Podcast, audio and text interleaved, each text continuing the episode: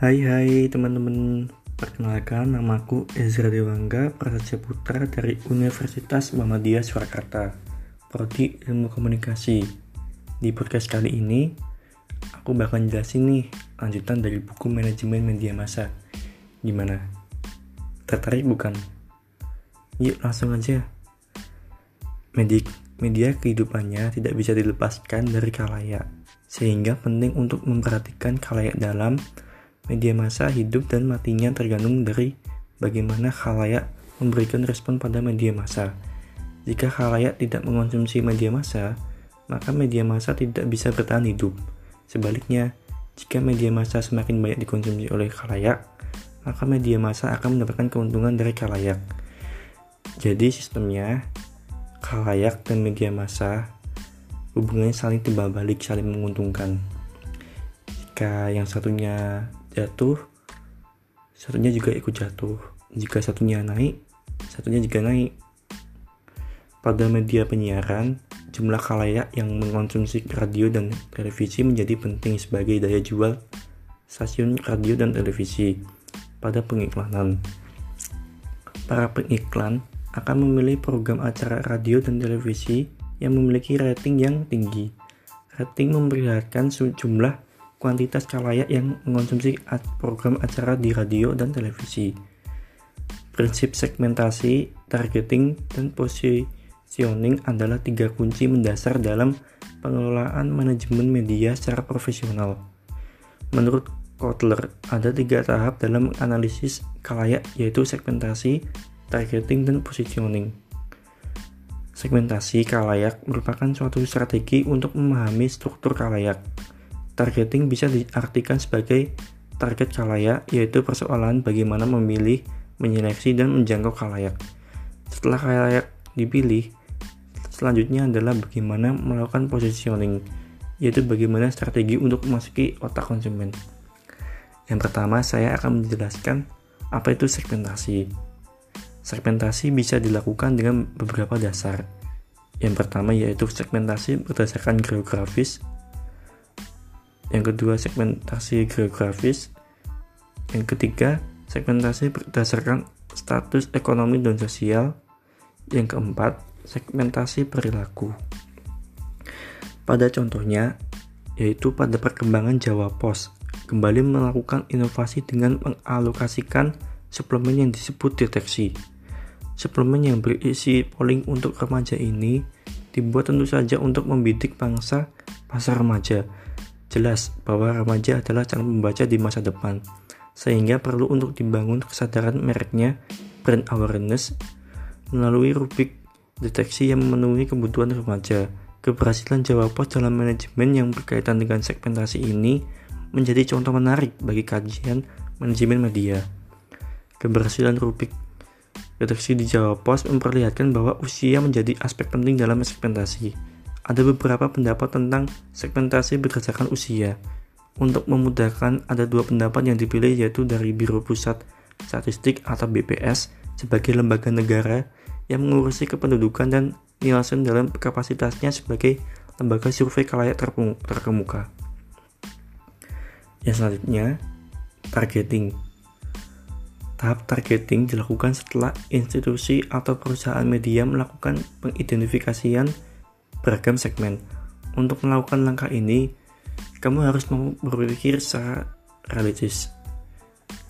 Kamu harus mengevaluasi potensi dan daya tarik dari segi komersial pada masing-masing segmen yang telah dikelompokkan tadi. Dengan begitu, kamu bisa melihat kesesuaian antara sumber daya yang dimiliki dengan target segmen yang dinilai paling potensial membawa keuntungan bagi brand dan perusahaan. Dalam proses penentuan target, media dapat melakukan beberapa pilihan model retargeting, yaitu yang pertama konsentrasi pada segmen tunggal, yang kedua spesialisasi secara selektif, yang ketiga spesialisasi produk, keempat spesialisasi market, yang kelima jangkauan semua pasar.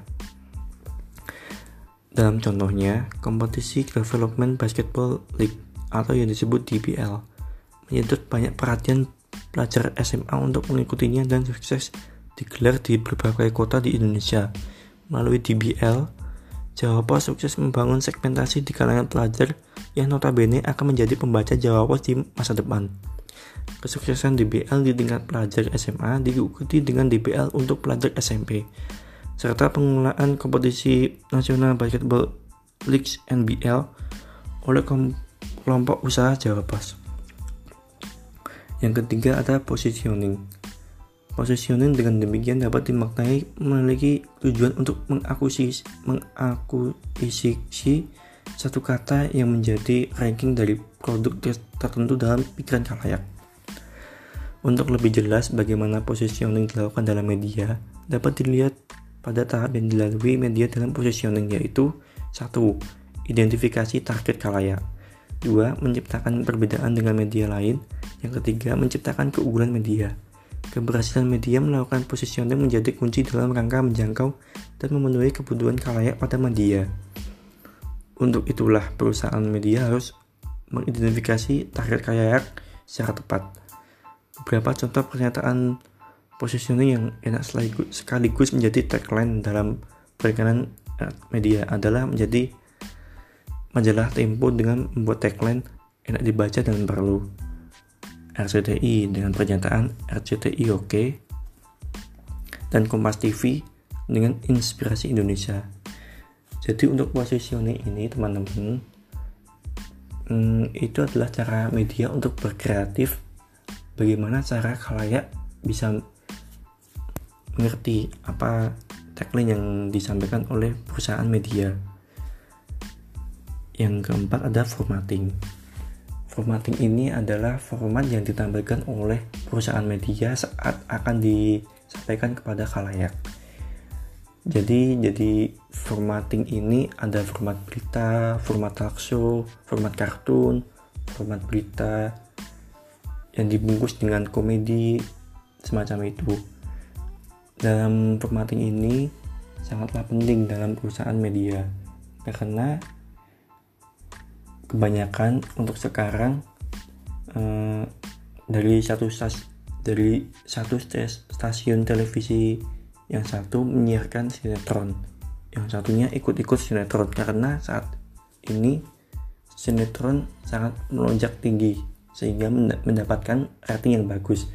Rating yang bagus akan membawa iklan membawa komersial untuk perusahaan media yang kelima yaitu programming.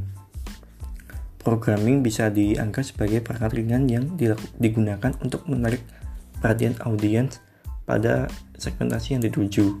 Kemampuan stasiun radio dan televisi menarik audiens untuk mengonsumsi program-programnya untuk menentukan kesuksesan stasiun radio dan televisi bersangkutan. Pada media televisi, programming semakin penting karena menjadi komoditas yang penting dan paling vital. Faktor yang mengaruhi programming bisa dibedakan menjadi dua, yaitu faktor internal dan eksternal. Yang, yang internal yaitu ada keuangan, pendapatan, standar penyiaran, manajemen tingkat atas.